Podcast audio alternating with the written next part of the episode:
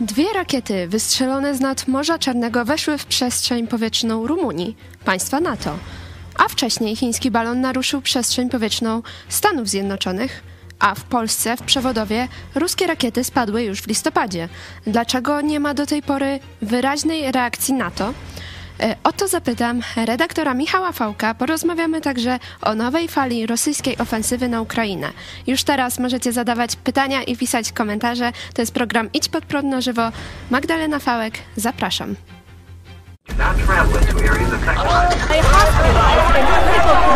Jesteście przestępcami.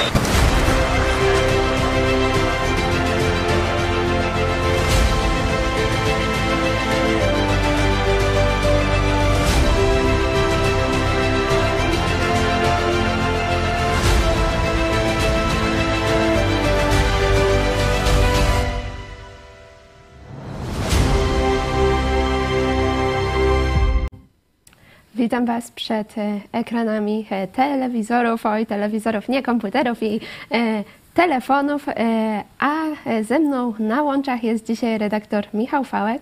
Witam. Witam Ciebie, witam drogich widzów. E, a ja oczywiście przypominam na początek e, o komentowaniu, że możecie e, pisać komentarze na czacie, możecie zadawać pytania. Zachęcam Was też do polajkowania tego programu i podania dalej. A my przechodzimy już do tematu głównego. Tematem głównym dzisiaj jest początek nowej fali rosyjskiej ofensywy, ponieważ jakby to jest rakieta, która przeleciała, rakiety, które przeleciały nad Rumunią, to są, jest, są częścią tej e, ofensywy. E, moje pytanie jest taka, takie, e, jaki jest cel, jaki cel Rosjanie chcą osiągnąć? Tak, no generalnie możemy tutaj o kilku aspektach mówić. Rzeczywiście na, można powiedzieć, froncie przez ostatni czas było troszeczkę spokojniej, chociaż tam były ciężkie, cały czas trwają ciężkie E, walki o miasto Bachmut, e, ale no, już od, od, paru tygodni wszyscy mówili, że Rosjanie zbierają siły i wkrótce ruszą z tą wielką nową ofensywą, e, powtórzeniem ofensywy sprzed roku, która no de facto może okazać się czymś większym, ponieważ mówi się, że zmobilizowali 300 tysięcy wojsk około 1800, e, no niektórzy mówią, że to jest tylko 1000, no ale powiedzmy prawie 1800 czołgów, e, kilka tysięcy e, wozów bojowych piechoty, oczywiście dużo artylerii i tak dalej, także wydaje się, że Rosjanie przygotowali dużo większe siły niż te, którymi próbowali zająć Ukrainę w trzy dni, przypomnijmy, kiedy mieli 150 tysięcy wojsk. No i jakoś nie było widać tej ofensywy, chociaż wszyscy zapowiadali, że będzie, że będzie w lutym, że Putinowi się śpieszy. Śpieszy mu się z kilku powodów. Po pierwsze, no Rosjanie jakieś mają takie zamiłowanie do dat i do liczb, a przecież e, no, praktycznie za dwa tygodnie, można powiedzieć, e, dokładnie za dwa tygodnie będzie rocznica e, agresji tej na pełną skalę rosyjskiej na Ukrainę, więc Putin chciałby się czymś pochwalić przed swoim narodem. Tym bardziej, że na 21 lutego, czyli za 11 dni, zapowiedział orędzie o stanie państwa. Normalnie to orędzie jest, e, jest przynajmniej przez te 20 lat, e, e, ponad 20 lat, kiedy, kiedy Putin jest u władzy, to orędzie zazwyczaj było pod koniec roku, tak jakby przeprowadzane, czyli pod koniec roku on się chwalił, jak to wspaniale Rosja sobie radzi, jak, jak, jak się modernizuje, jakim to jest znakomitym krajem, najlepszym na świecie, mlekiem i miodem płynącym, a teraz nie było tego orędzia pod koniec ubiegłego roku, no z oczywistych powodów, bo Rosja dostaje po prostu porządnie w tyłek w Ukrainie, nie, nie, nie realizuje swoich celów. I Putin wie dobrze o tym i też elity dobrze wiedzą, że no czeka ich sromotna klęska, przede wszystkim też klęska gospodarcza, e, może bardziej niż militarnie gospodarcza i rzeczywiście ta klęska jest nieuchronna. E, no, nie było się czym chwalić, dlatego teraz rozkaz jest do E, do 1 marca, e, po tym jak został zmieniony głównodowodzący na e, generała Gerasimowa, takiego starej, starej szkoły, starej daty do, głównodowodzącego rosyjskich wojsk, dostał on rozkaz. Do 1 marca mają być zrealizowane jakieś tam kolejne, kolejne wyznaczone cele. To są minimalistyczne cele w porównaniu z celami sprzed roku, ale te cele są konkretne. Mianowicie zajęcie obwodu ługańskiego i donieckiego, no i no ta, ta, ta wojna, znaczy Rosjanie próbują, rzeczywiście mm, zaczęły się działania na kilku odcinkach frontu, o tym za chwilę powiemy, e, które no, wskazują, że tak jakby ruszyli z tą ofensywą, a dzisiaj e, dołożyli do tego kolejny zmasowany atak rakietowy. te ataki oni tak mniej więcej co dwa tygodnie przeprowadzają, bo tyle czasu im zajmuje jak jakby uzupełnienie tych zasobów rakiet, wprowadzenie koordynatów do celów mm, ataków, uderzeń E, także przygotowanie całe tyle im zajmuje i mniej więcej co dwa tygodnie są te, są te ataki zmasowane. One zazwyczaj wyglądają tak, że w nocy e, następuje fala ataków irańskimi dronami Shahid e, po to, żeby jakby zająć ukraińską obronę przeciw, przeciwlotniczą, przeciwpowietrzną, ten OPL, systemy, żeby, żeby te systemy nie mogły się przygotować odpowiednio do fali uderzeń rakietami manewrującymi, które następu, następują później po tych dronach. I rzeczywiście dzisiaj w nocy kilkadziesiąt dronów znowu poleciało na Ukrainę. W większości, w zdecydowanej większości zostały one zestrzelone, a dzisiaj od rana e, są ataki rakietowe. E, pierwsza fala już jest za nami, można powiedzieć. Rzeczywiście też większość, e, większość e, tych rakiet nie dosięgła celów, została zestrzelona. Kilka, tak jak ja czytałem, to kilka, jedna między innymi w obwodzie zaporowskim, jedna w obwodzie lwowskim dosięgły celu. Natomiast nad Kijowem, gdzie jest najlepsza obrona przeciwlotnicza, wszystkie zostały zestrzelone. Nad Odessą też chyba zostały wszystkie zestrzelone. Teraz, w tym momencie, kiedy my mamy program, Rosjanie być może szykują się do drugiego, drugiej fali, drugiego uderzenia, ponieważ znowu zostały poderwane te bombowce strategiczne. Rosjanie generalnie atakują e, z bombowców strategicznych, e, które zazwyczaj odpalają rakiety z nadmorza Kaspijskiego oraz mm, z floty czarnomorskiej, która no, gdzieś tam operuje na Morzu Czarnym. I właśnie te rakiety, o których tutaj e, powiedziałaś, o których mówimy w dniu dzisiejszym, to są rakiety, które zostały prawdopodobnie odpalone floty czarnomorskiej, bo one przeleciały, mowa jest o dwóch lub o jednej rakiecie. E, generał Załużny, głównodowodzący sił ukraińskich, mówił e, niedawno, to jest informacja sprzed kilkudziesięciu minut, że to dwie rakiety były. To będzie pewnie jakoś tam doprecyzowane, wyjaśniane, ale to są dwie rakiety, które, które od południa przeleciały praktycznie wzdłuż Mołdawii, czyli, czyli, czyli sobie przeleciały, można powiedzieć, nad przestrzenią E, mołdawską e, powietrzną, a później skręciły i tak troszeczkę, można powiedzieć, rożek Rumunii, Rumunii tam u styku granicy mołdawskiej, rumuńskiej, ukraińskiej naruszyły przestrzeń powietrzną Rumunii, po czym weszły e, w przestrzeń powietrzną Ukrainy i tam one leciały w kierunku Lwowa, czyli w kierunku zachodniej Ukrainy. No niemniej jednak te rakiety przeleciały nad przestrzenią powietrzną rumuńską, no która no Rumunia jest krajem NATO, do, tak? Do NATO. Dlaczego Rumunia nie zestrzeliła tych rakiet?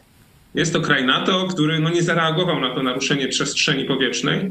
E, jest też taki komunikat, mm, komunikat strony ukraińskiej, e, mianowicie mm, rzecznik sił powietrznych Ukrainy Jury Ichnat e, powiedział w komentarzu dla portalu Ukraińska Prawda, że armia ukraińska miała możliwość zestrzelenia wrogich pocisków rakietowych, tych właśnie, które E, które były nad, e, na, w powierzchni, na, nad Rumunią, przelatywały, ale rozumiejąc ryzyko i zagrożenie dla ludności obcego kraju, nie zrobiły tego natychmiast. Czyli e, krótko mówiąc, no, nie wykorzystała armia ukraińska okazji, żeby te rakiety zestrzelić nad, rozumiemy tutaj, nad przestrzenią rumuńską, bo to tam chodzi o, o kawałek kilkudziesięciu mhm. kilometrów, prawda?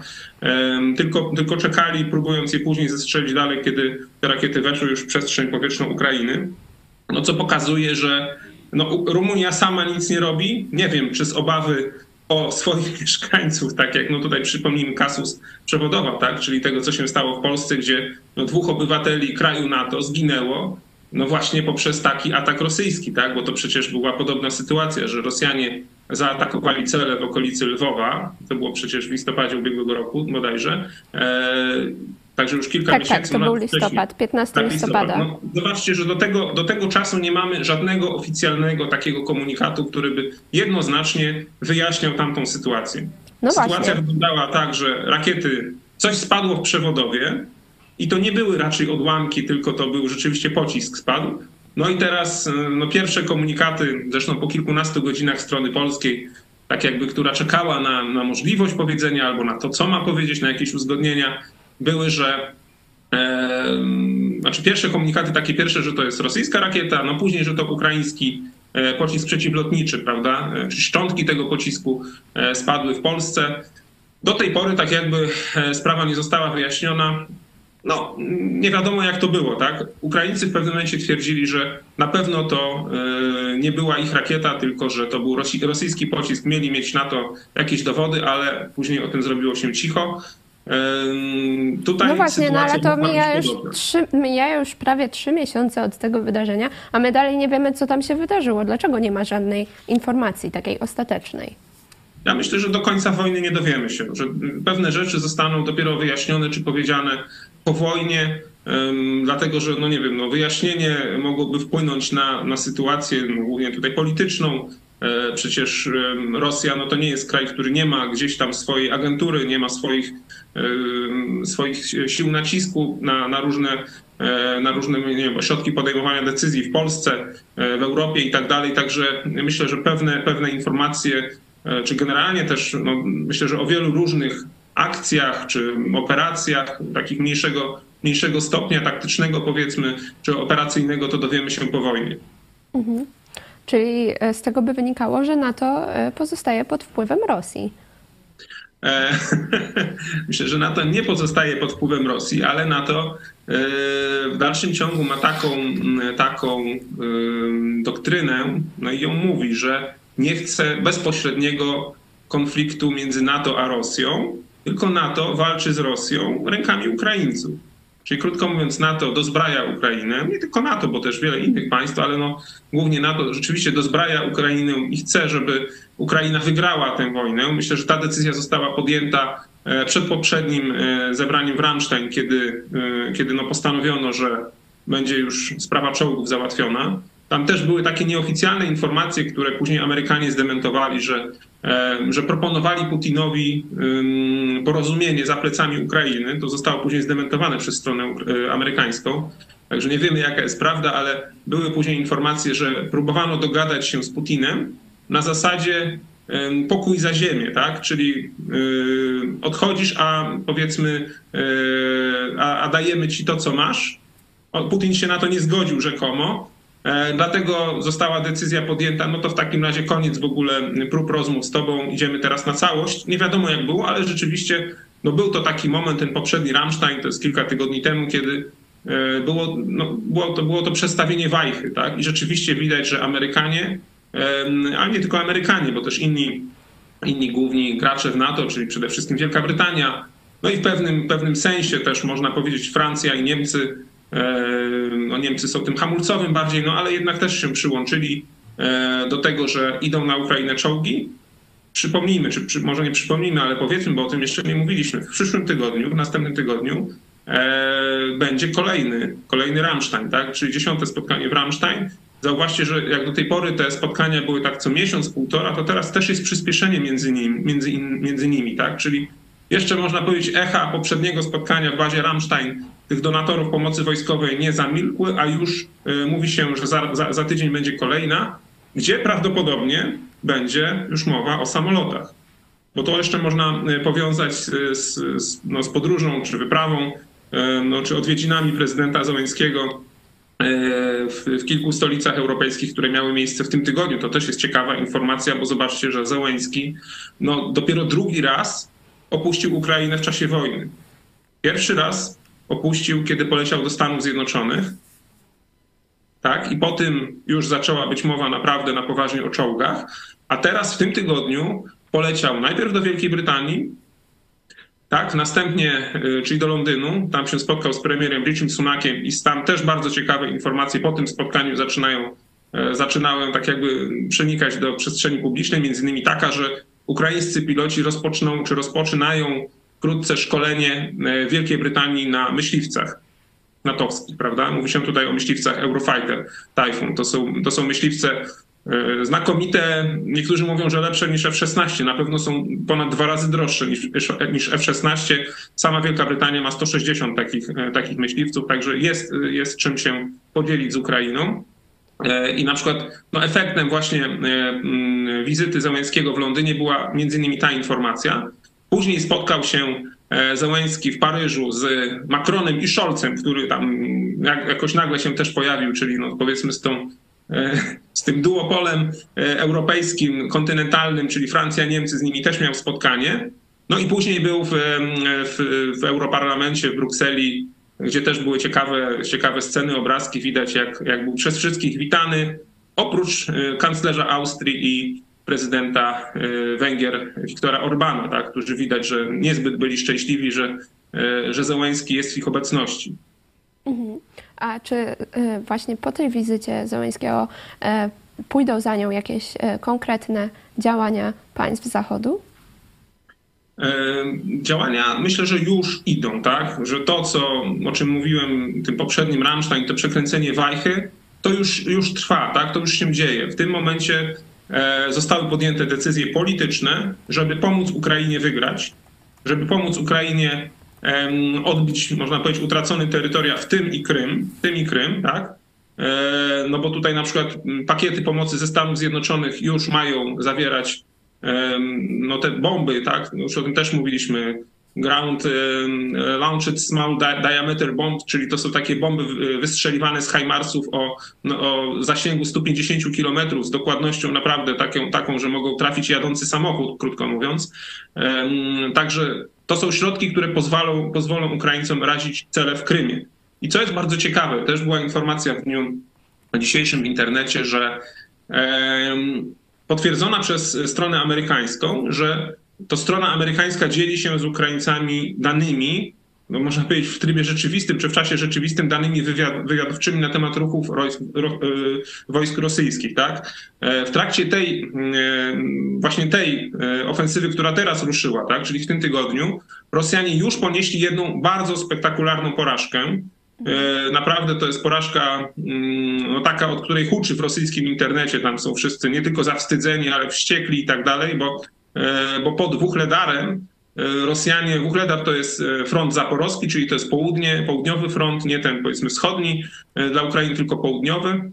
Tam Rosjanie też próbują atakować, ponieważ, ponieważ zajęcie Wuchledaru jest bardzo ważne no, ze strategicznego punktu widzenia. To jest to jest, można powiedzieć, miasto, które, którego utrzymywanie pozwala Ukrainie kontrolować ogniowo e, jedyną pozostałą, czy no, taką główną arterię komunikacyjną z, z, Rosji kontynentalnej, czyli tam z Rostowa nad Donem do obwodu hersońskiego i na Krym, tak? Bo po tym jak most krymski został uszkodzony, no to Rosjanie nie bardzo mogą przez most krymski transportować ciężki sprzęt, muszą, e, muszą transportować ciężki sprzęt przez ten korytarz, e, można powiedzieć lądowy, który zajęli na południu Ukrainy.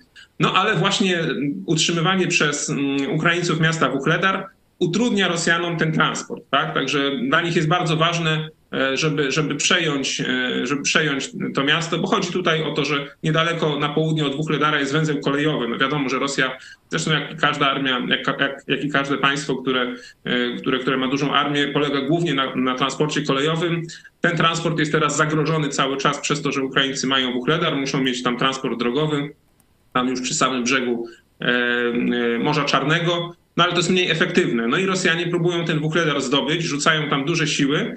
E, między innymi rzucili taką już osławioną w boju e, elitarną 155. Brygadę Piechoty Morskiej, e, która, która wcześniej no już była odnawiana ze dwa razy chyba ta brygada, bo już wcześniej ponosiła kolosalne straty i, i Rosjanie no znowu rzucili tę brygadę, no i rzucili ją w takim stylu jak wcześniej, czyli te czołgi jechały, jechały można powiedzieć w kolumnie, E, jeden za drugim, e, po drodze gdzieś tam w pole, w polu pomiędzy, pomiędzy mm, gdzieś tam zaśnieżonym polu, e, gdzieś tam jeden czołg najechał na minę, drugi próbował go wyprzedzić, najechał na kolejną minę, później trzeci gdzieś tam, także widać jak, jak oni powtarzają te same błędy, które, które rok temu powtórzyli, ale jednocześnie, do czego no, chcę wrócić do tej, do tej, do tej informacji o Amerykanach, Amerykanie potwierdzają, że właśnie dostarczają Ukraińcom informacje na temat ruchów wojsk w czasie rzeczywistym, tak? Czyli Ukraińcy mając informację, że Rosjanie jadą tu i tu,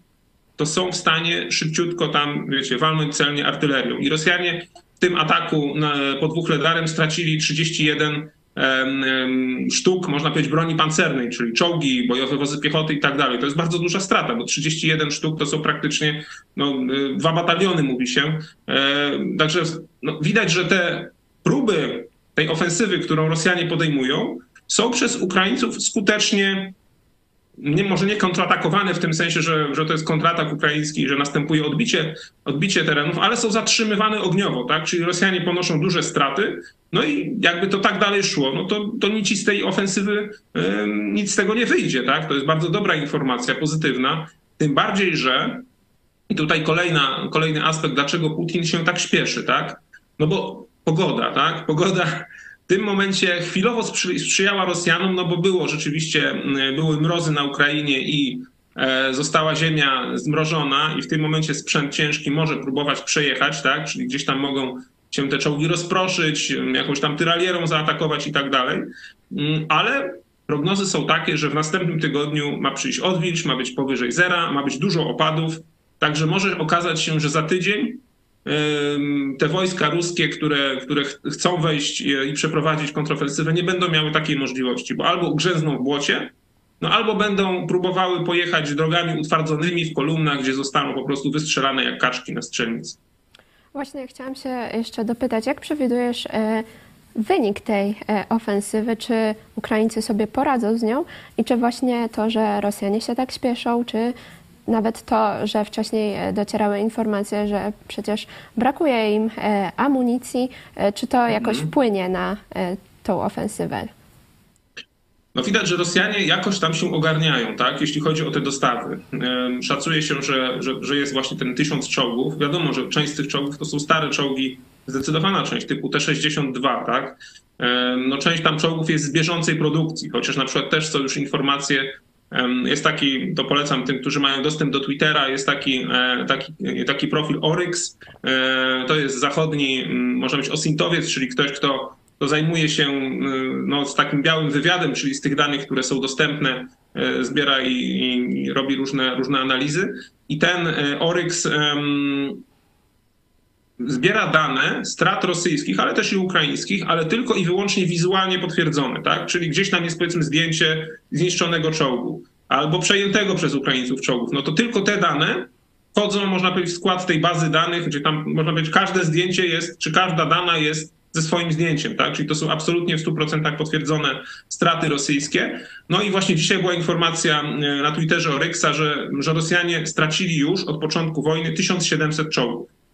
1700 czołgów, tak? To, jest 1000, e, to są czołgi stracone, uszkodzone i przejęte przez Ukraińców.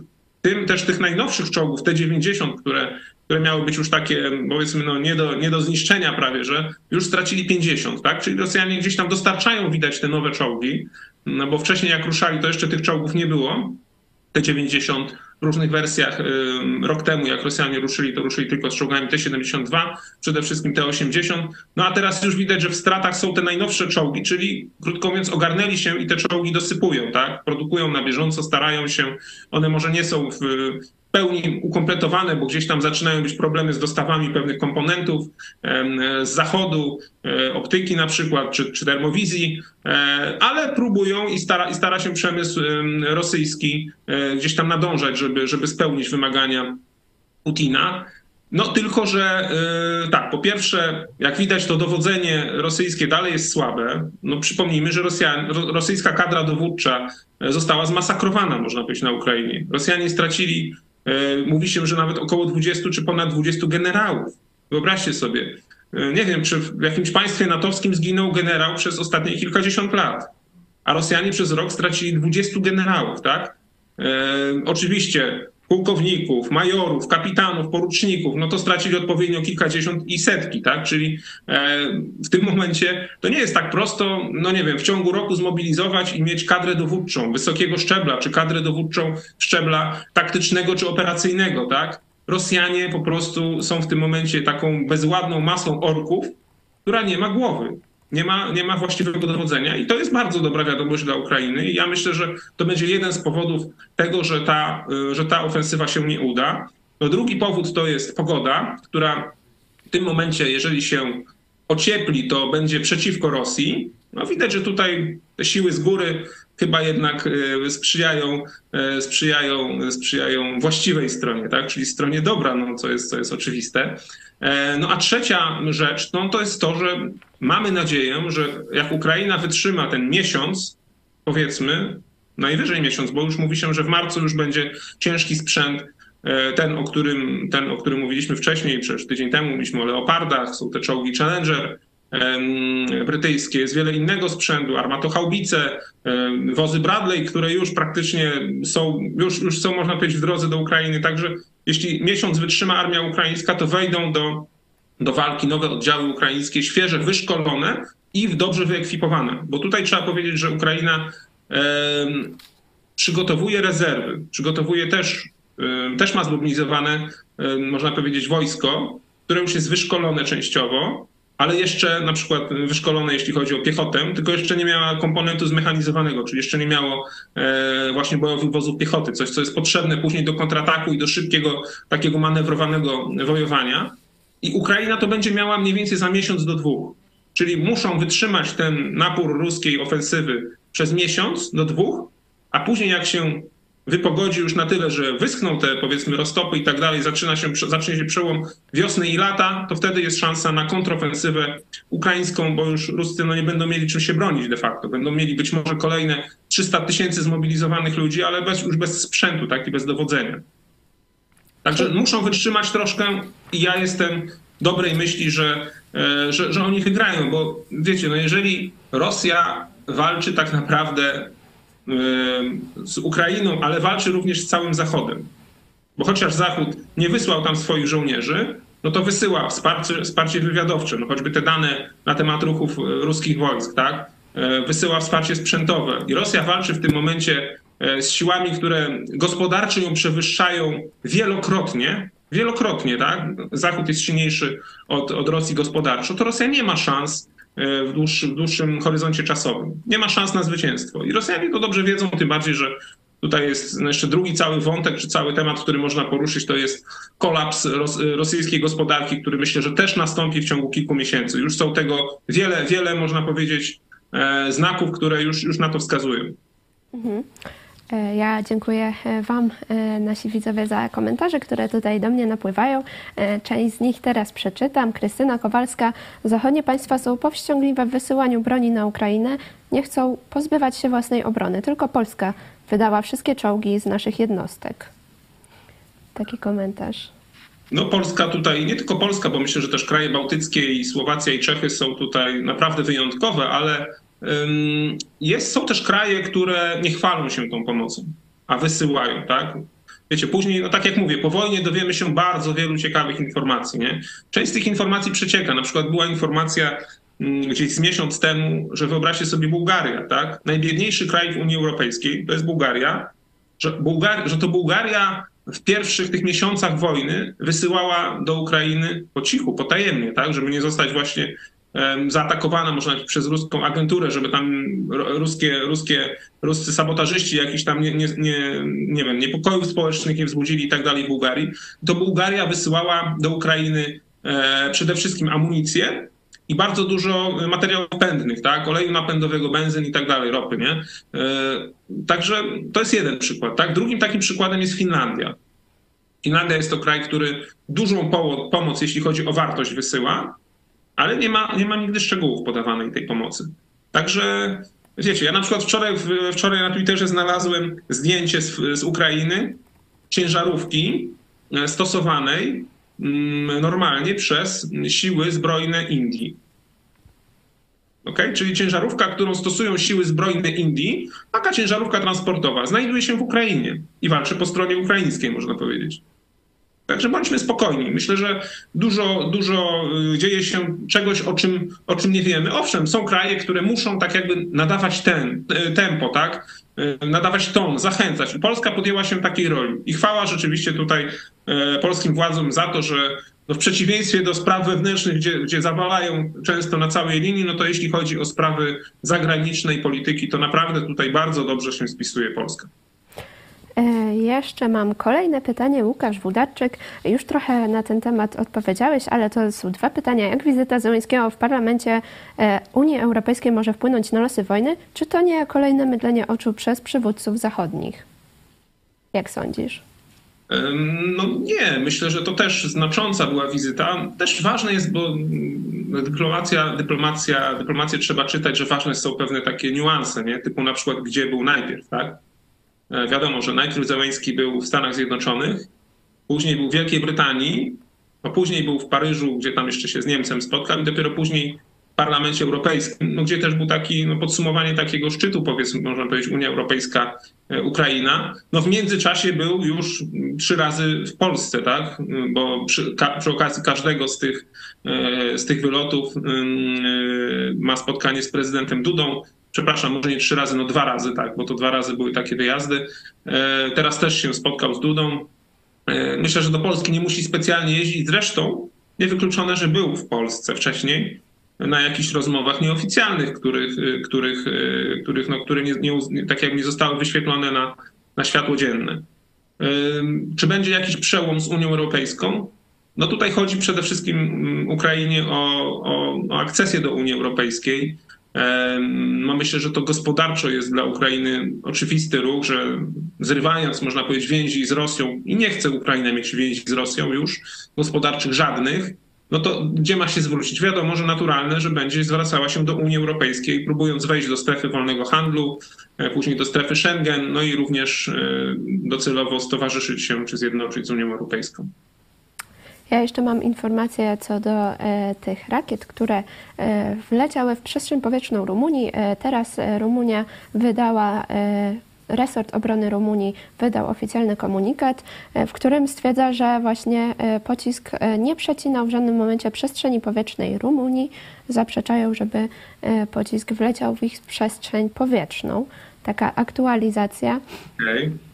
No to może być trochę tak, jak było z, z, sytuacją polską, gdzie wiecie, no przyznanie um, tego faktu, jak to mogło być no w tej, można powiedzieć w tej gorszej wersji, tak, czyli że to była ruska rakieta, no można powiedzieć, by nas stawiała na krawędzi wojny z Rosją, tak, czy całego NATO wtedy. I tutaj też no przyznanie, że, e, że no to ruska rakieta lata sobie nad Rumunią, a my nic z tym nie robimy, no to też jest słabe. Myślę, że rzeczywiście tutaj Niestety, e, można powiedzieć, tak mi się wydaje, że niestety, chociaż może to jest mądre, ale no powiedzmy, że Rosjanie, Rosjanie będą raczej wykorzystywali to jest słabość, to jest słabość jednak NATO i e, myślę, że Rosjanie mogą w ten sposób eskalować sytuację, czyli żeby próbować tę, tę granicę przeciągać, tak, żeby zobaczyć, kiedy NATO tak ostrzej wejdzie, co oczywiście dla Rosji było jest samobójstwem, tak, no bo w tym momencie absolutnie jakieś takie na ostro wejście na to, to, to kończy wojnę w dosyć krótkim czasie, tak?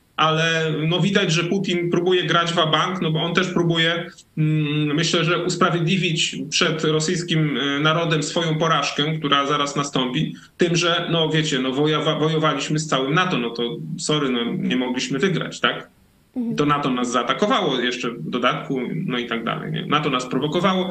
No to w ogóle jest ciekawe, jak się słucha Putina, jak zmienia się jego narracja w tym momencie już narracja wchodzi w taką, no biedni jesteśmy, bo to NATO zmusiło nas do tego, żebyśmy zareagowali, także no, żeby to nie złe to NATO, nie to złe NATO, no to wtedy nie byłoby tej, tej specjalnej operacji wojskowej na Ukrainie.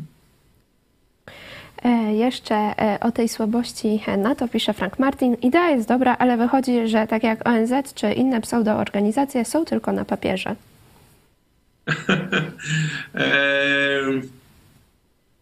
Nie wiem, nie wiem, czy tak jest. Panie Frank Martin, nie wiem, czy jest tylko na papierze. Yy, no NATO jest paktem, który, mm, który ma w swoim założeniu obronę tych, którzy są w tym pakcie. De facto, tak? No póki co przez Rosję nie została jeszcze zaatakowany żaden członek NATO bezpośrednio. Yy, chociaż Rosja, tak jak mówię, próbuje przyciągać linę i robi pewne prowokacje, yy, to jeszcze NATO nie zostało zaatakowane. No, idea na to też polega na tym, że jest tam, e, są pewne zobowiązania, ale no jest też wymagana jednomyślność. No i nie wiem, czy NATO w tym momencie jest gotowe na przykład do wypowiedzenia wojny Rosji, dlatego że e, rosyjska rakieta przeleciała nad 30 kilometrami kwadratowymi terytorium NATO, prawda, i przeleciała sobie dalej. Myślę, że, że na to nie ma co liczyć, nie? E, bo przecież wiadomo, że Turcja powie nie, Węgry powiedzą nie. No i okaże się wtedy w praktyce, że NATO jest, no jest de facto rzeczywiście świstkiem papieru, tak? Czyli jeżeli będzie zbyt mały casus belli, czyli powód do wojny, no to wtedy, mm, to wtedy może się okazać, że, że nie będzie w NATO zgody do tego, że tak należy w Rosję uderzyć i zgodzić, zgodzić się na, na wojnę, czyli też w tym momencie na ryzyko utraty życia przez naszych obywateli. Tak? Natomiast to, co NATO robi, czyli to, że pomaga Ukrainie coraz mocniej, Owszem, trwało to, byli ci hamulcowi, czy są ci hamulcowi w NATO, jak Scholz, jak Macron, jak Orban przede wszystkim, ale mimo wszystko NATO jako całość uważam, że daje radę i no, robi dobrą robotę mm, tak generalnie e, w tej wojnie. Mogłoby robić lepszą, ale robi dobrą. Robi dobrą robotę. Nie pozwoliło, nie pozwoliło Ukrainie upaść, tak? bo to nie tylko pomoc gospodarcza tak? czy wywiadowcza, ale również, a czy militarna, ale właśnie pomoc gospodarcza też jest przecież z krajów NATO. E, I w tym momencie myślę, że została podjęta decyzja, tak, już tę wojnę trzeba wygrać w tym roku. Tutaj e, przy tej okazji jeszcze chciałabym wspomnieć e, o chińskiej roli e, i związanej trochę z przelotami, bo można by tutaj nawiązać do tego, że chińskie balony, chiński balon przeleciał nad, wkroczył w przestrzeń powierzchnią Stanów Zjednoczonych i później został zestrzelony. No i tutaj właśnie, czy to też pokazuje właśnie słabość Zachodu, że ten balon tak leciał długo i dopiero po mhm. jakimś czasie został zestrzelony, czy może po prostu Zachód się boi? Podobno nie był to pierwszy lot chińskiego balonu nad Stanami Zjednoczonymi, tego typu balonu. Chińczycy twierdzą, że to oczywiście balon meteorologiczny, że on zabłądził i tak dalej. No mówię, że podobno nie był to pierwszy lot, ale to pierwszy balon, który oficjalnie został zestrzelony, tak? Bo przecież była z tego cała akcja medialna. E, Aktualnie Czy dobrze się stało, też... że Amerykanie Słucham? Aktualnie teraz też e, jest taki drugi balon, który przelatuje nad państwami Ameryki Łacińskiej. A e, jak tutaj e, są doniesienia, to takich balonów przeleciało, takie balony przelatywały nad 40 różnymi państwami do no tej właśnie. pory. No właśnie. A ciekawe, czy jakby na przykład Polska taki balon wypuściła nad Chiny, to by Chińczycy pozwolili mu przelecieć i, i ten, i nic by nie było, prawda? No, Myślę, że dobrze się stało, że Amerykanie zestrzelili ten balon, bo pokazali Chińczykom, że nie będą tutaj wasze balony latać nad naszym krajem. E, pytanie, czy nie zrobili tego za późno, czy nie mogli tego zrobić wcześniej. Pewnie mogli zrobić tego wcześniej, to, to wcześniej, bo może gdzieś tam mogli zrobić to, nad, jak leciał nad jakimiś tam niezamieszkałymi terenami Stanów Zjednoczonych i wtedy tam w ten balon walnąć no oni e, tłumaczyli się, że chcieli no, bezpiecznie to zrobić, żeby on na pewno nie wyrządził żadnych szkód na, na terytorium Stanów Zjednoczonych, dlatego zestrzelili go dopiero jak, e, jak wleciał nad ocean e, i wtedy, wtedy został zestrzelony.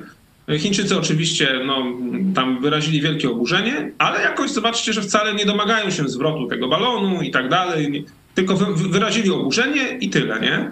Natomiast ciekawa jest, ciekawa jest informacja, o której też tutaj napomknęłaś, że no Chińczycy jednak mieszają się w tę wojnę, bo po pierwsze, no, też wyciekają informacje, czy pojawiają się informacje, że jednak strona chińska wspiera Stany, wspiera, przepraszam, Rosję, dostarczając e, pewne tam komponenty, chińskie firmy dostarczają pewne komponenty, e, które mogą mieć podwójne zastosowanie firmom radzieckim, czy przepraszam, rosyjskim, dla mnie to radzieckim, ale rosyjskim, które, które są na pewno używane do produkcji zbrojeniowej. I to, te informacje ostatnio też, też gdzieś tam były publikowane. To pokazuje, że to też są jednak Stany Zjednoczone głównie będą naciskały na Chiny, żeby zaprzestały takich praktyk. A z kolei e, chiński mm, dyplomata, chiński ambasador Chin przy Unii Europejskiej, bo jest coś takiego, że kraje też mają ambasadorów przy Unii Europejskiej, Chiny też mają ambasadora przy Unii Europejskiej. Ten ambasador przy Unii Europejskiej powiedział, że e, zwycięstwo nad Rosją E, na polu bitwy, czyli zwycięstwo wojskowe, jest niedopuszczalne, że powinna ta wojna czy ta cała awantura zostać zakończona przy stole negocjacyjnym. Tak, Chiny są za nie są za ostatecznym zwycięstwem, ale za negocjacjami. Ale można powiedzieć, że przecież Ukraina też nie mówi, że no nie, nie jesteśmy za negocjacjami, tylko że uchwalili prawo, że nie będą negocjować z tym zbrodniarzem Putinem. Tak. Ukraina powiedziała, wrześniu... chętnie jesteśmy na negocjacje, ale nie ze zbrodniarzem Putinem. Czyli jeśli, jeśli Putin, nie wiem, czy zdechnie, czy go zabiją, czy po prostu e, w jakiś sposób zostanie od, odsunięty od władzy, e, to, e, to wtedy i będzie tam jakaś władza, z którą będzie się dało normalnie rozmawiać, to Ukraińcy są gotowi na negocjacje. We wrześniu właśnie Ukraina wydała oświadczenie, że negocjacji nie będą prowadzić, dopóki Putin będzie e, prezydentem e, Rosji. A ja myślę, to nawet że... więcej, to nie tylko jest oświadczenie, to jest prawo w Ukrainie. Bo to jest prawo, czyli ta Wierchowna Rada Ukrainy, czyli może być parlament Ukrainy podjął taką, takie prawo, które podpisał prezydent Zełenski, czyli w Ukrainie prawem jest, że nie gadają z Putinem. Ja myślę, że e, w tym momencie możemy puścić Państwu e, fragmenty wypowiedzi e, Chapmana Chena i Boba Crafta właśnie dotyczące tego chińskiego balonu, a my zaraz wracamy.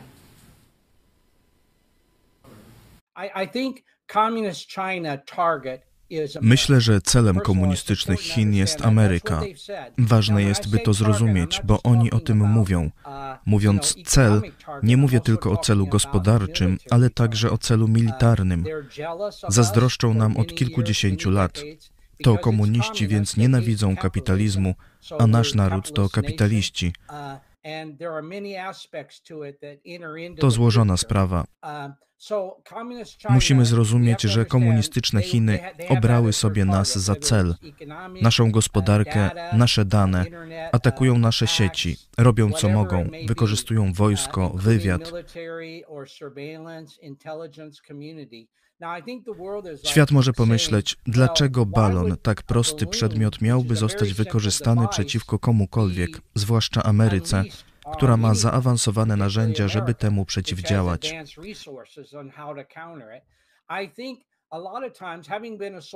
Pamiętam jako żołnierz w Niemczech Wschodnich w latach 70., kiedy walczyły ze sobą komunistyczna Rosja i Stany Zjednoczone. Że Rosja podrywała helikoptery lub samoloty na swoim terytorium blisko granicy, żeby zobaczyć, jak druga strona zareaguje. Chcieli przez to wiedzieć, jaka będzie nasza reakcja w przypadku ataku na pełną skalę, uh, ile czasu nam to zajmie. To jest realna możliwość w tym przypadku. Chcieli sprawdzić naszą obronę.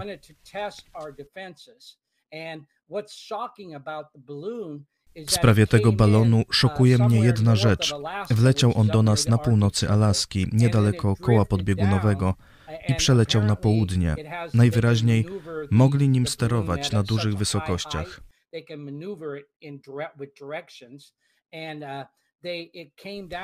Przeleciał przez Alaskę na południe, potem przez całe Stany Zjednoczone, od północnej części kontynentu do południowo-wschodniej części kraju.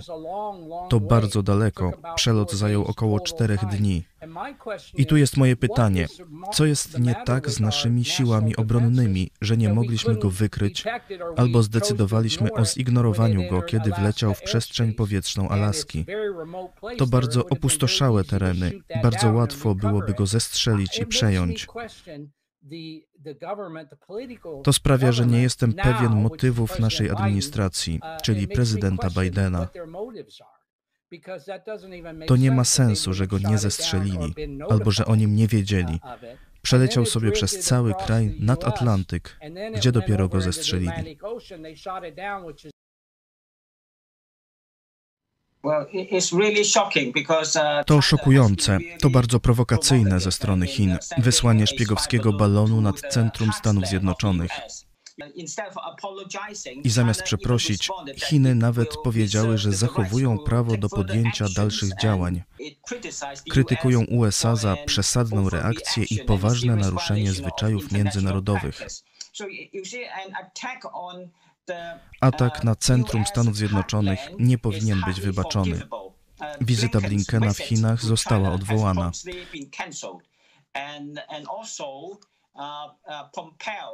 Mike Pompeo powiedział brytyjskiej telewizji Sky News, że Xi Jinping jest najbardziej niebezpiecznym człowiekiem na świecie.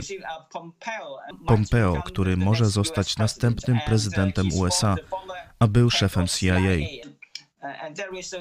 Niedawno pojawiła się też notatka czterogwiazdkowego generała Mike'a Minihana, dowódcy Air Mobility Command. Cytuję: Moja intuicja mówi mi, że będziemy walczyć w 2025 roku. Ekipa Xi Jinpinga, ich motywy i okazje spotykają się w 2025 roku.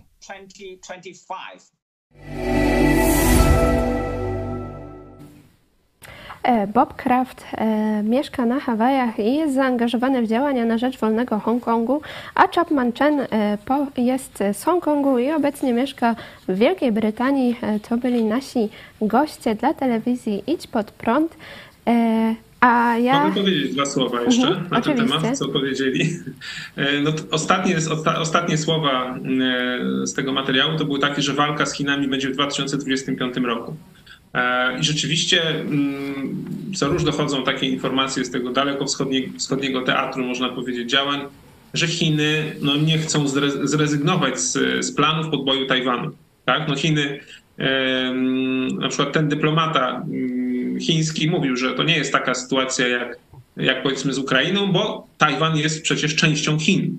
No i oni tylko muszą odzyskać swoje, prawda? Także tutaj to jest oczywiste, że, że mają prawo do ataku i planowali ten atak na 2027 rok. Takie były niejednokrotnie informacje podawane. No pytanie, czy ten atak nastąpi i czy ten atak będzie w tym roku, czy wcześniejszy, czy wcześniej, tak? E, Tu warto powiedzieć o takich, o takich grach wojennych, które zostały przeprowadzone i zostały upublicznione ich wyniki, no bo wynik tych gier wojennych dobrze wyszedł dla Zachodu, dlatego zostało to upublicznione. E, No, jeżeli byłoby odwrotnie, to pewnie byśmy o tym nie wiedzieli, chyba że strona chińska by powiedziała. Natomiast e, e, Zachód, czyli Stany Zjednoczone upubliczniły informacje o grach wojennych, czyli symulacji ataku Chin na Tajwan e, i odpowiedzi Zachodu, w tym oczywiście Stanów Zjednoczonych. No włączeniu się tutaj już na ostro Amerykanie mówią, że jeśli Chiny zaatakują Tajwan, to Ameryka wchodzi do gry i jest wojna na całego. No i wynik tych gier wojennych przeprowadzonych był korzystny dla Zachodu, korzystny dla Tajwanu, niekorzystny dla Chin. Wynik był taki, że wojna tam by dosyć długo trwała. Amerykanie straciliby y, ponad 10 tysięcy czy kilkanaście tysięcy żołnierzy. Sami Amerykanie, wyobraźcie sobie. Japonia by się zaangażowała i tak dalej, ale Chiny zostałyby pokonane. No może, może takie symulacje, e, przecież też jakieś swoje symulacje przeprowadzają, no ale myślę, że w szczególności mam nadzieję, że porażka Rosji e, w Ukrainie ostudzi zapędy tych chińskich bandytów, bo to są wcale nie lepsi niż, niż kacapscy bandyci, to są tacy sami bandyci jak każdy ko- komunista. Oni tylko marzą o tym, żeby ludzi zniewolić, sami, żeby, żeby jako przedstawiciele ludu pracującego miast i wsi, no wiadomo, że mają te wille, szampany, kawior, a lud ma za miskę ryżu i najlepiej być niewolnikiem. I no, no to właśnie Chiny chcą zaproponować całemu światu. Rosja jako ich, ich przydupas to samo próbuje zaproponować, ale no nie udaje się. Jeszcze jakbyśmy e, mogli się odnieść e, do takiej wiadomości, że e, tutaj Mariusz Kamiński, szef Ministerstwa Spraw Wewnętrznych i Administracji, zamknął przejście w Bobrownikach do Białorusi, przejście graniczne. Dlaczego nie zamknął wszystkich przejść do Białorusi, która właśnie przecież pomaga Rosji, tylko jedno? No jest to zapewne jakaś, tak myślę, że to jest mm, taka demonstracja niezadowolenia rządu polskiego z powodu e, wyroku na, na pana Poczobuta. O tym mówiliśmy e, w dniu wczorajszym, e, że został skazany e, ukraiński, białoruski, przepraszam, opozycjonista, no dziennikarz, e, można powiedzieć, e, w Białorusi, w pokazowym procesie. I myślę, że to jest taka, taka demonstracja rządu, niezadowolenia rządu polskiego. No powiem tak, e, no widać, że tutaj mm, dyplomacja też no, z jakimiś swoimi prawami e, się rządzi, że też jest jakaś drabina eskalacyjna, tak? Czyli e, myślę, że dlatego nie, zostało zamknię, nie zostały zamknięte wszystkie przejścia. No po pierwsze to też by trochę uderzyło mm, w niektóre podmioty polskie, które jednak, szczególnie firmy transportowe, które, które gdzieś tam no, prowadzą działalność gospodarczą czy wożą towary, nawet nie na Białoruś, ale przez Białoruś dalej. Ale po drugie, no myślę, że Polska zostawia sobie jeszcze możliwość zwiększenia eskalacji, czyli ewentualnie mocniejszych środków, e, mocniejszych środków, jeżeli by na przykład Białoruś rzeczywiście przystąpiła do wojny po stronie rosyjskiej, no przystąpiła aktywnie, tak, czyli wysłałaby swoje wojska. E, Myślę, że też mm, są prowadzone pewne gry po to, żeby tak jakby spróbować Łukaszenkę ostudzić albo no, zrazić do Putina, czy spróbować go zniechęcić do pomagania Rosji, tak, żeby, żeby jednak Łukaszenko, no może nie jest w stanie zrzucić tego jarzma rosyjskiego, ale rzeczywiście, no jak, jak, jak tylko się da, bronił się przed wciągnięciem się w tę po stronie rosyjskiej wojnę. Jeszcze e, taka wiadomość e, z niedawna. E, rząd Mołdawii e, podał się e, do dymisji.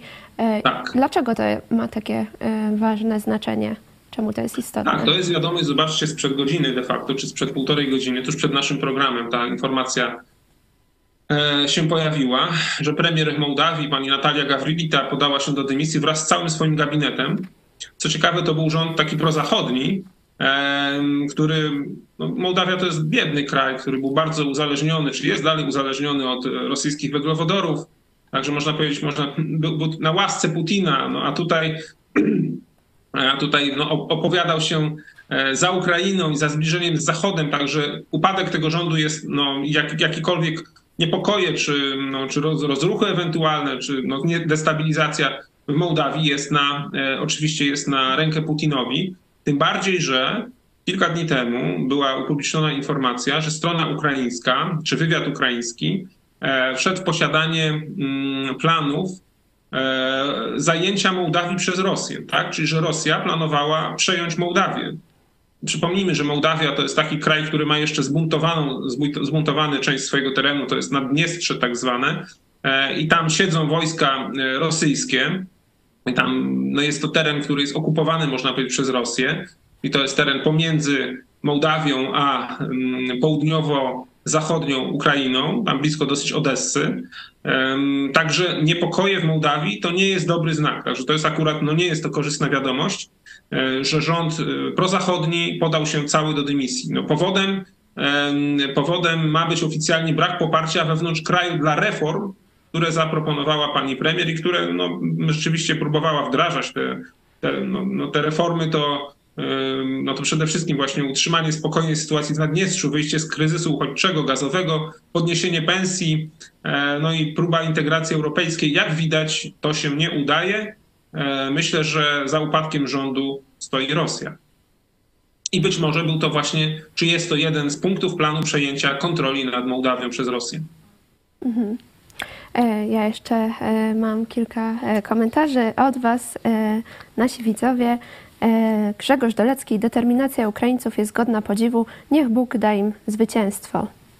Amen. A Johnny Walker, e, mądre zagranie Ukrainy. I e, ja też chciałam przypomnieć e, Wam, że e, możecie ten program lajkować, podawać dalej, a także e, później po zakończeniu programu też również możecie, zachęcam do pisania komentarzy i przypominam też e, o wsparciu naszej telewizji, e, że wszystko co tutaj się dzieje, to dzieje się tylko i wyłącznie dzięki Waszym pieniądzom, więc zachęcamy Was do przyłączenia się, dołożenia cegiełki do naszego projektu. Wszelkie informacje możecie znaleźć na stronie itspodprat.pl wsparcie. A jeśli chodzi e, o dzisiejsze e, programy, to e, o 17 zapraszamy Was na serwis informacyjny Idź Pod Prąd, a o 18 kolejny odcinek studium pierwszego listu do Koryntian. Również w tę niedzielę o 19 będzie można zobaczyć relacje z premiery akademickiej w Teatrze imienia Juliusza Osterwy w Lublinie i rozmowę telewizji Idź Pod Prąd z dyrektorem teatru. E, Redbadem e, Klynstra e, Komarnickim, również aktorem znanym m.in. z filmu Gry uliczne czy Smoleńsk. Będzie o kulturze, wolności i przede wszystkim o nas samych, także zapraszamy do oglądania tego materiału i oczywiście dziękujemy Wam za udział w akcji Wolność Słowa. Wszystkie nagrania, które przesyłacie, wszelkie rolki, dziękujemy bardzo i zachęcamy Was też do przesyłania ich dalej, ponieważ ta akcja się nie kończy. E, A dzisiaj po programie e, Pomyśl Dziś e, świeckie wnioski z procesu pastora, a także kartka z kalendarza Piotra Setkowicza, podpisanie konkordatu z Rzeczpospolitą Polską i myślę, że możemy też puścić po programie klip Pray for Ukraine, a też przypominamy o tym, tak. Właśnie to chciałem powiedzieć. Pamiętajcie, kochani, pray for Ukraine. Módlmy się o Ukrainę, wspierajmy ich, choćby nawet dobrym słowem w- w rozmowie z, e, ze znajomymi. Pamiętajmy, każdy ruski czołg zniszczony na Ukrainie to jest jeden ruski czołg mniej na polskiej granicy. Ukraina walczy za nas. To jest nasza wojna. Wszyscy ci, co mówią, to nie jest nasza wojna, że to banderowcy i tak dalej, to są po prostu ruskie onuce. Tak, także modlimy się o Ukraińców, a my jeszcze przypominamy o tym, że e, możecie nas wesprzeć także poprzez e, przekazanie 1,5% na Fundację Twój Ruch. Ja między innymi należę do tej fundacji, także zachęcamy, e, a też ja zachęcam do kontaktu telefonicznego z naszą telewizją numer 536 813 435, a telefon odbierze redaktor Michał Fałek. A jak nie będzie mógł odebrać, to odzwoni. Prawda? Tak jest. No, dzisiaj tuż przed programem odebrałem właśnie telefon od, od y, młodej dziewczyny, która właśnie była zwolennikiem tej teorii, że ta zła Ukraina i to nie nasza wojna. Także no dlatego, dlatego o tym przed chwilą powiedziałem. Tak nie jest. To jest nasza wojna. Trzeba ich wspierać i naprawdę dziękować im, że my nie musimy tam walczyć, tylko że oni robią to swoimi rękami. Zresztą Ukraińcy to mówią. Dajcie nam broń. Już my Rosję zatrzymamy. Tylko dajcie nam dużo broni. A ja dziękuję Tobie bardzo za udział w programie. Był ze mną redaktor Michał Fałek, przedsiębiorca, pastor, prezes. Dziękuję Tak. bardzo. tak. dziękuję bardzo e, za udział w programie i dziękuję, Dziękuję również. Tobie. Dziękuję Tobie, dziękuję Wam, drodzy widzowie. Dziękuję Wam, że byliście z nami i do zobaczenia o 17. Komu jesteś potrzebny? Dziś wielu, szczególnie młodych ludzi, zadaje sobie to pytanie, e, szuka odpowiedzi e, w swojej grupie rówieśniczej, w jakichś może akcjach, wolontariacie. Niektórzy są zniechęceni, myślą, że nikomu nie są potrzebni, że do niczego się nie nadają. Ja chciałem Cię zachęcić do zmiany zdania, jeśli borykasz się z tym pytaniem, nie w oparciu o to, co ludzie mówią, ale w oparciu o to, co sam Bóg o tobie mówi. Pewnie już wiesz, że dla Boga jesteś bardzo cenny. Tak cenny, że swego jedynego syna dał, aby umarł zamiast ciebie. Jezus zmartwychwstał i oferuje każdemu nowe życie, przebaczenie grzechów i życie wieczne. Ale na tym się ta historia nie kończy. Bóg coś buduje. Bóg cały czas coś buduje. I tym, co buduje, jest Jego Kościół. Oczywiście nie chodzi o papieża, biskupów i całe to pałatajstwo. Chodzi o żywy Kościół Jezusa Chrystusa, e, czyli ciało Chrystusa. I ono jest zbudowane na samym Jezusie, on jest kamieniem węgielnym, później apostołowie, prorocy i tak dalej, a teraz jest każdy z nas. Teraz Bóg potrzebuje do tej budowli każdego z nas. Dziś wieczorem, jeśli ten temat Cię ciekawi, zapraszam na studium Biblii 12 rozdziału pierwszego listu do Koryntian. A żeby udowodnić swoją tezę, pokażę Ci werset 18, kiedy e, Bóg opisuje tę budowlę e, i tych, którzy już są członkami tego ciała, którzy już zostali w nim umieszczeni.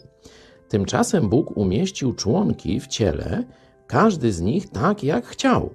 Zobaczcie, to, że ja, czy może ty, jeśli pójdziesz za Chrystusem, znajdziesz się też w tym ciele, jest wolą Boga. On chce, abyś znalazł się w tym ciele, żebyś odegrał swoją rolę dla Boga tu na ziemi. Zapraszam wieczorem na więcej.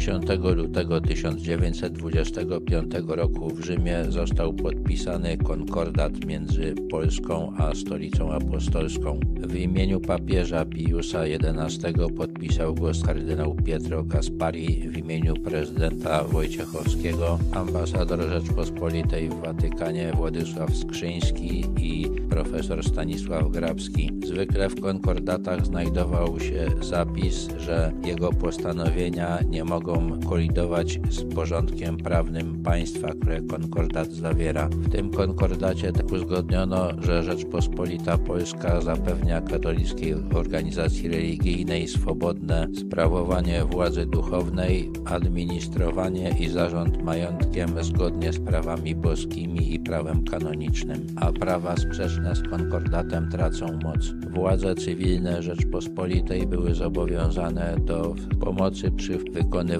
dekretów i postanowień kościelnych. Duchowieństwu gwarantowano całkowitą swobodę w porozumiewaniu się ze zwierzchnickami w Rzymie. Księża mieli być traktowani tak jak urzędnicy państwowi. W razie postawienia w stan oskarżenia i skazania biskupi mieli prawo wglądu w akta sprawy. Wyroki pozbawienia wolności księża mieli odbywać w osobnych pomieszczeniach. Kary aresztu w klasztorach kleryków zwalniano ze służby wojskowej. Nauka religii katolickiej była obowiązkowa w szkołach podstawowych i średnich, a nauczyciele religii mogli być mianowani tylko spośród osób wskazanych przez właściwego biskupa. Biskupi mieli składać przysięgę na wierność prezydentowi Rzeczpospolitej. Uzgodniono też, że żadna część terytorium Rzeczpospolitej nie może być zarządzana przez biskupa mającego siedzibę poza terytorium państwa. Papież złamał ten punkt konkordatu podczas II wojny światowej,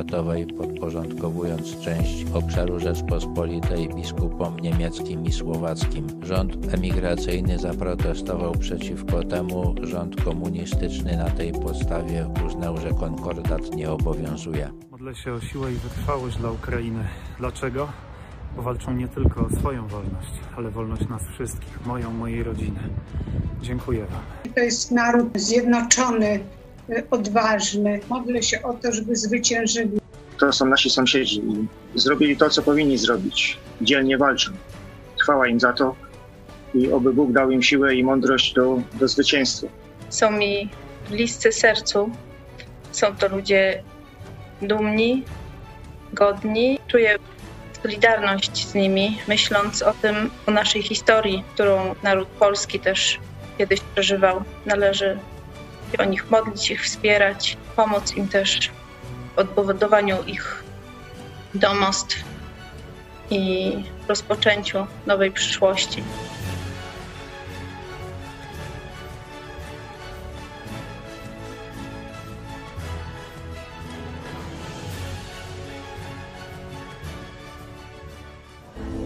Wsparcie ze strony innych można podzielić na dwa rodzaje.